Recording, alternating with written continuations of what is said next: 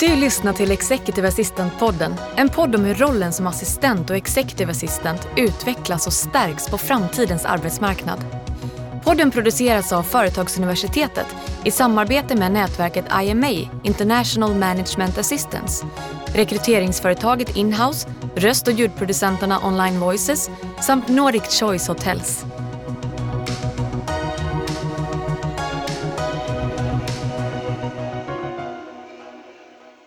Välkommen till Executive Assistant-podden där vi pratar med världens bästa kollegor om världens bästa jobb. Jag heter Daniel Kjellson och idag sitter jag här tillsammans med Karin Helen, Executive Support Officer på ESS. Välkommen Karin! Tack så mycket. Är jag på rätt spår om jag säger att din arbetsplats, ESS, som jag inte riktigt förstår vad, vad, vad ni gör, eh, är en av världens mest omskrivna forskningsanläggningar? Idag är det nog det, för den håller på att byggas. Eh, och ESS står för European Spallation Source och vi kommer att forska med neutroner så småningom när vi är färdiga. Kommer att köra ett första eh, experiment 2023 och eh, börja med användare 2025 ungefär. Mm. Och vi räknar med ungefär 3000 personer per år som ska komma till Lund och till ja. oss och forska från hela världen. Och vad är det ni ska göra? Allt möjligt, Daniel. Vi kommer att titta på arkeologi. Vi kan titta in i saker utan att sönder dem genom de här neutronerna. Vi kan titta på material, nya material som används för flygplan, för du vet när du är ute och sportar och du har kläder som andas åt ett håll. Det är neutronforskning som har tagit fram dem. Tack. Hälsa och sjukvård. Vi håller på med covid nu. Så att eh, vi har mycket, mycket brett fält. Man kan titta på väldigt, väldigt mycket. Ibland när jag pratar med dig så, så tänker jag själv att här står jag och pratar och skickar lite mejl och sådär och, och, du jobbar liksom med att föra världens vetenskap framåt. jag står bakom dem som gör det kan man säga. Jag är ju administratör. Men jag supporterar vår Director General, John Womersley. Mm. Eh, och har, vad jag tycker själv, världens roligaste jobb. Jag, jag får titta ut genom fönstret varje dag och se den här enorma anläggningen eh, byggas och jag har kollegor från 56 olika länder, vilket för mig är helt fantastiskt. Och jag kan använda lite av min internationella erfarenhet då. Mm. Så att, eh, jag försöker supportera så gott jag kan på den administrativa sidan. Precis. Och du, visst kom du, du kom in tidigt, så ditt jobb är egentligen att vara den här supporten under hela tiden som det här superforskningscentret byggs, etableras och rullas ut? Ja, det hoppas jag verkligen att jag får stanna kvar. För eh, jag började 2011 och jag är inne nu på tredje chefen, den andra Director General på ESS.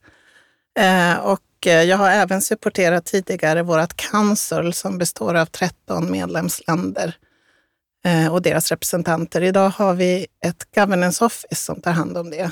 Så att vi har etablerat det idag, så vi har tre personer som jobbar bara med den sidan.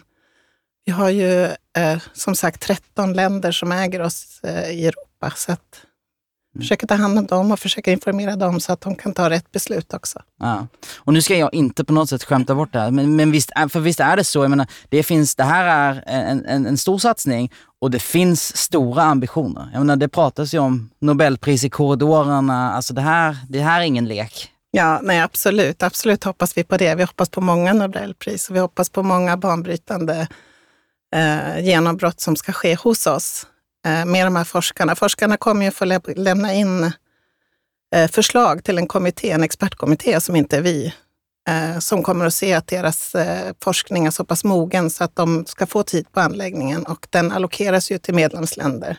Det ska bli väldigt, väldigt spännande att följa. Men 3000 användare per år hoppas vi och tror ska komma. Så att, eh, mm. Jättespännande. Och när öppnas dörrarna? När är ceremonin bokad? Oh, den är inte bokad än, men Nej. vi siktar på 2023 första, vi kallar det för First Science. Mm.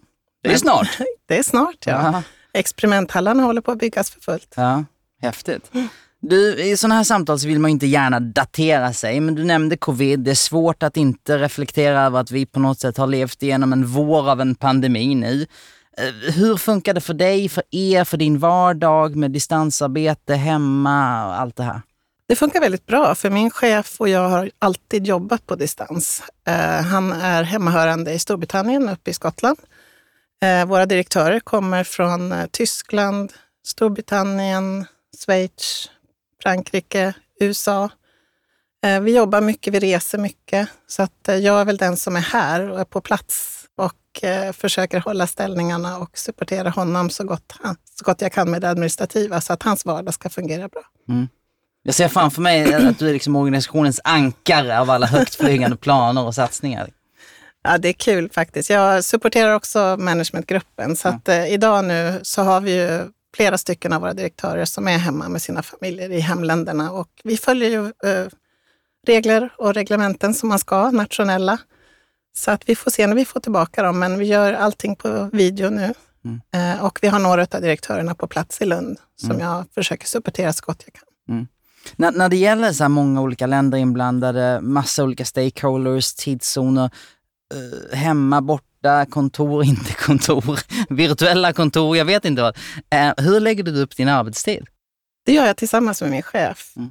Eh, och vi har alltid jobbat väldigt fritt. Eh, har väl inga direkta arbetstider kan jag säga. Jobbar väldigt eh, mycket när det behövs. Eh, så att jag tror att jag nog är on call hela tiden i princip. Men vi har också en, en outtalad, eller vi har pratat om det, att vi, vi, kan vi svara så svarar vi och vi kan skicka iväg mejl, men vi måste inte svara på en gång. Nej. Men både han och jag har varit i den, så att vi vill bli av med grejer, mm. få det gjort. Mm. Just nere i, i Lund, på Lunds universitet, um, så forskas det mycket om just den här digitala arbetsmiljön. Men och, och för dig då, eh, stress och sånt där och press och lugn och att vara on call, som du sa, att allt, det kan alltid eh, plinga till i telefonen. Så funkar sånt för dig? Eller när hittar du ett lugn och när blir du stressad? Det har alltid funkat för mig, måste jag säga. Jag, vi pratade just om det, för vi har gjort en risk assessment nu på hela vår personal, hur de mår när de jobbar hemma och vad som funkar och vad som inte funkar. Eh, och då kom jag nog till en insikt att det funkar ganska bra för mig. Jag är ganska van att jobba på olika ställen, så att, eh, inga problem. Plus att min chef, även om han är i Lund, så reser han även väldigt, väldigt mycket. Så vi är också vana att jobba på distans. Stress, ja. Det händer ju alltid, men det får inte synas utåt. Nej. jag brukar alltid jämföra eh, en executive assistant med, nu låter det jättedumt, men en anka. Mm -hmm. som glider, glider, fram över vattnet. Ovanför vattnet så ser du den lugna ankan, men under vattnet så paddlar fötterna mm. väldigt, väldigt fort ibland. Ja. Så att det gäller att behålla lugnet. Ja, ja verkligen. Herregud.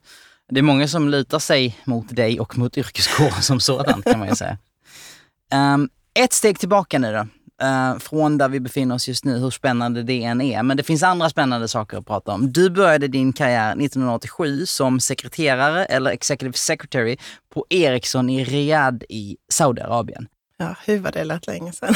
det tycker jag inte alls. Jag, är väldigt exalterad av att prata om det. Minns du den första dagen där? Oh ja, oh ja. Jag var väldigt ung, väldigt oerfaren, hade aldrig sett en dator i hela mitt liv. Jag skulle få en dator och eh, manager of operations kom in till mig. Jag skulle jobba med eh, eh, president, var hans titel och vdn där nere. Och han kom in till mig och sa väldigt eh, härlig, sa att Karin, du ska få använda ett nytt program. Det har kommit ett nytt dataprogram och det heter Word. Och så fick jag en tegelstensbok och sa han, lär dig det här. så det var min första dag på jobbet. Ja. Det var väldigt spännande. Läste du den här boken? Mycket av det, ja. Du kan ju, du kan ju vara en av få människor i världen som har läst det. Första datakursen jag gick på i Riyadh så fick jag en skruvmejsel i handen och så fick man skruva isär datorn. Det låter i och för sig bra. Ja, man fick lära sig från grunden. Ja. Men eh, det var ju lite, lite annorlunda för mig. Jag var kvinna, jag skulle mm. inte vara på kontoret och eh, mesta delen av arbetskraften var ju mu muslimska män och eh, mm. Några av dem, inte den lokala befolkningen, det ska jag inte mm. säga, men eh, några av andra nationaliteter tyckte inte jag skulle vara där. Nej. Så att det hade sina utmaningar som ung 23-åring. Ja men verkligen. Ja, men jag tänker att jag har varit en del i Mellanöstern eh, generellt och jag menar, alltså Riyadh är ju en exotisk plats idag. Mm. Och jag menar, hela den situationen då, det måste varit ett jätteäventyr. Ja, jo det var det absolut. Jag är glad att vi har varit och fått se den delen av världen. Man lärde sig otroligt mycket. Plus att jag och min man var unga, vi startade våra karriärer där nere.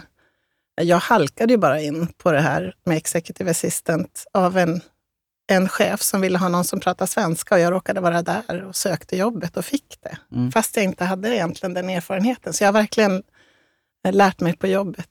Uh, Vad var det som passade dig? Jag tror det här härliga att ingen dag är den andra lik. Allting bara händer. Eh, och du måste ju vara väldigt formbar själv. Du måste kunna, kunna lära dig att ta bollen när den kommer och springa. Eh, sen ty- älskade jag det här internationella. Jag tyckte det var jätteinspirerande. Eh, och efter Ericsson så flyttade jag över sen eh, och sökte jobb på svenska ambassaden. Och där fick jag ju även interagera med den saudiska befolkningen och saudiska eh, kunder som kom så att säga till ambassaden eftersom jag jobbar med handelsrådet. Då. Och sen dess har du upplevt den här rollen utifrån många olika kulturer, du har varit på olika platser eh, globalt ehm, och sett hur den betraktas, utformas, eh, hur den ser ut, vad den innehåller på, på, på, olika sätt runt om i världen som sagt. Vilka gånger har det eventuellt krockat med hur du ser på rollen och vad du vill åstadkomma? Det är väl det här när folk säger att only an admin, det är ett sånt där uttryck som går runt jorden globalt. Eh, och det är olika i olika länder. Man har fortfarande synen i många länder att det är den gammeldags svenska sekreteraren som satt vid en, en skrivmaskin.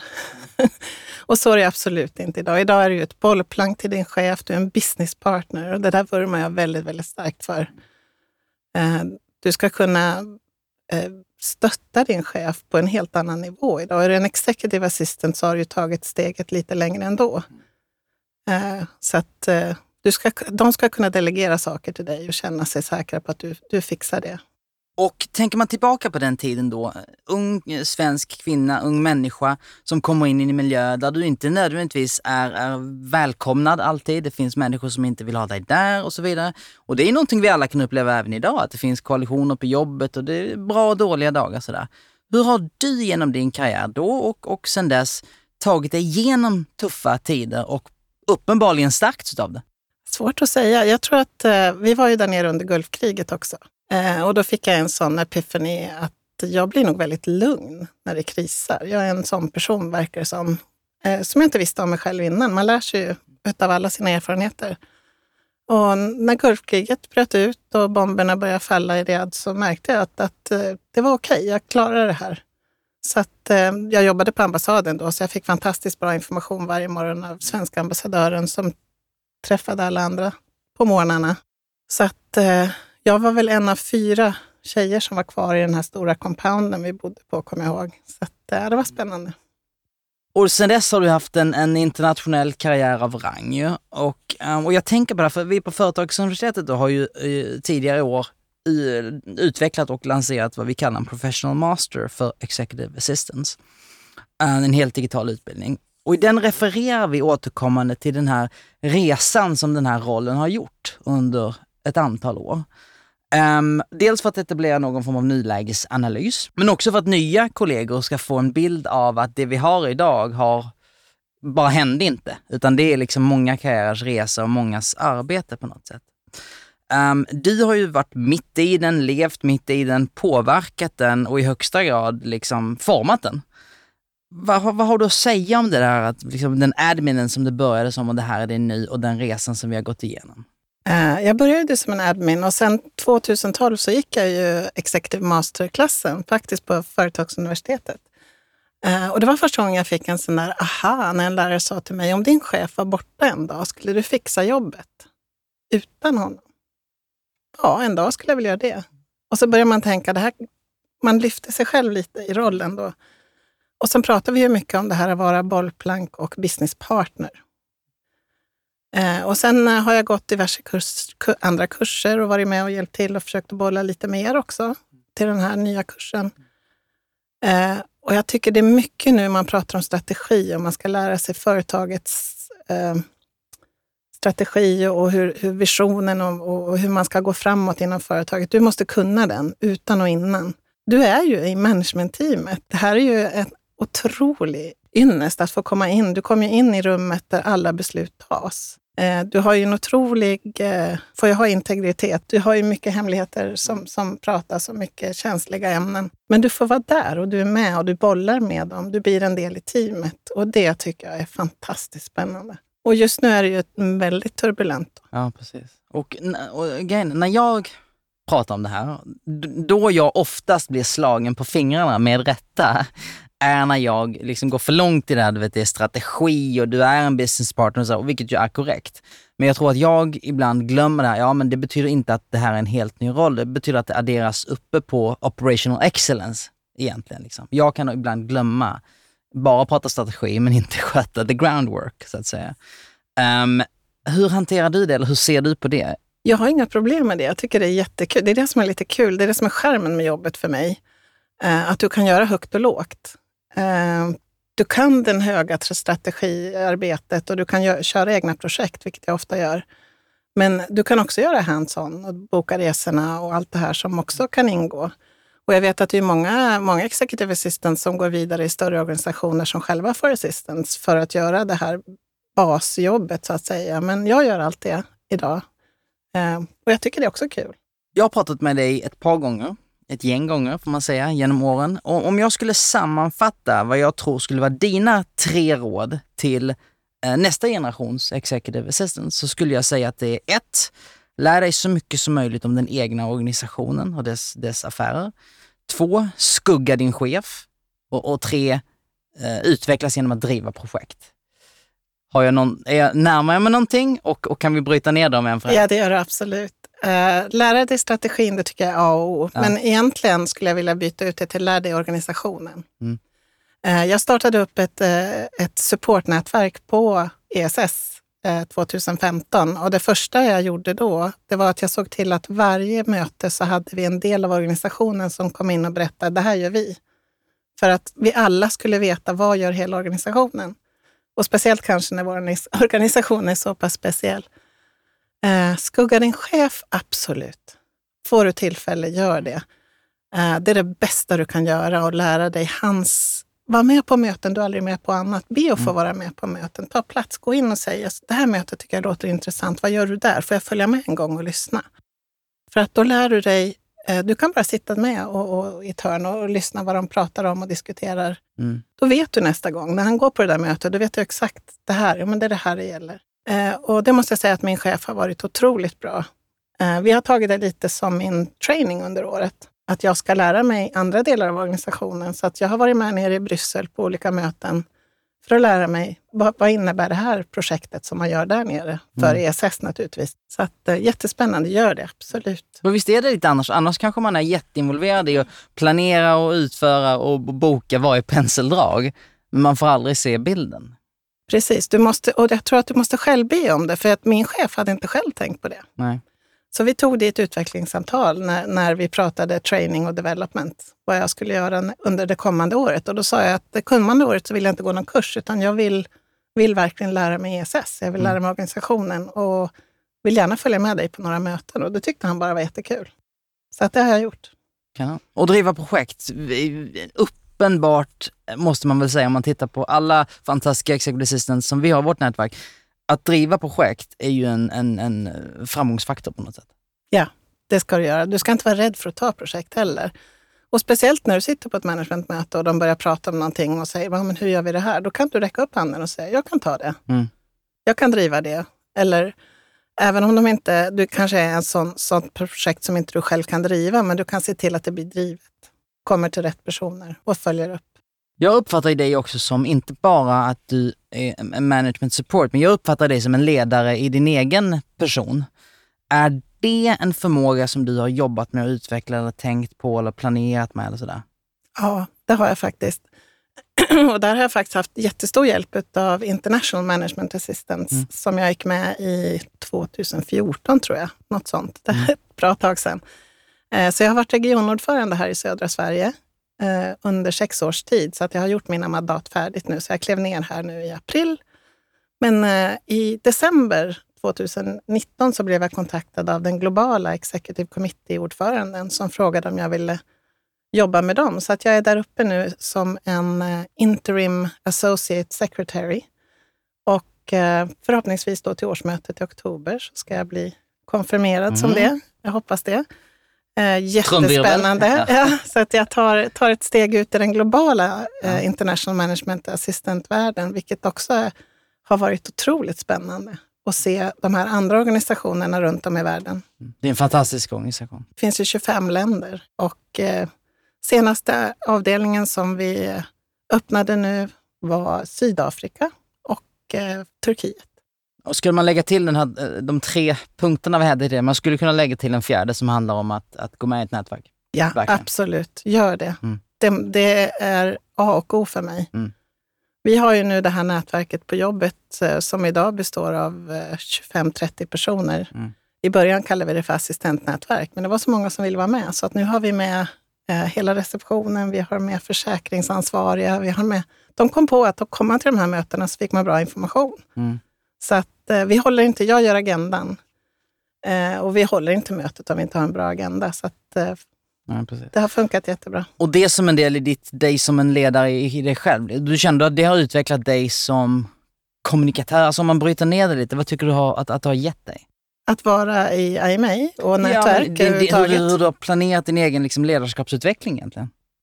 Ja, det här bara att hålla i styrelsemöten och se mm. till att det funkar. Uh, vi har ju, jag har ju varit även medlem i den svenska styrelsen nationellt. Så att vi har ju, har ju haft den regionala biten där jag har skött, uh, varit ordförande och uh, sett till att vi har event varje månad, vi har styrelsemöten varje månad. Plus att jag har varit i den svenska nationella styrelsen och supporterat de nationella eventen, så också även samarbetet då med alla eh, business partners, bland annat Företagsuniversitetet. Så att, eh, och nu tar jag det globala.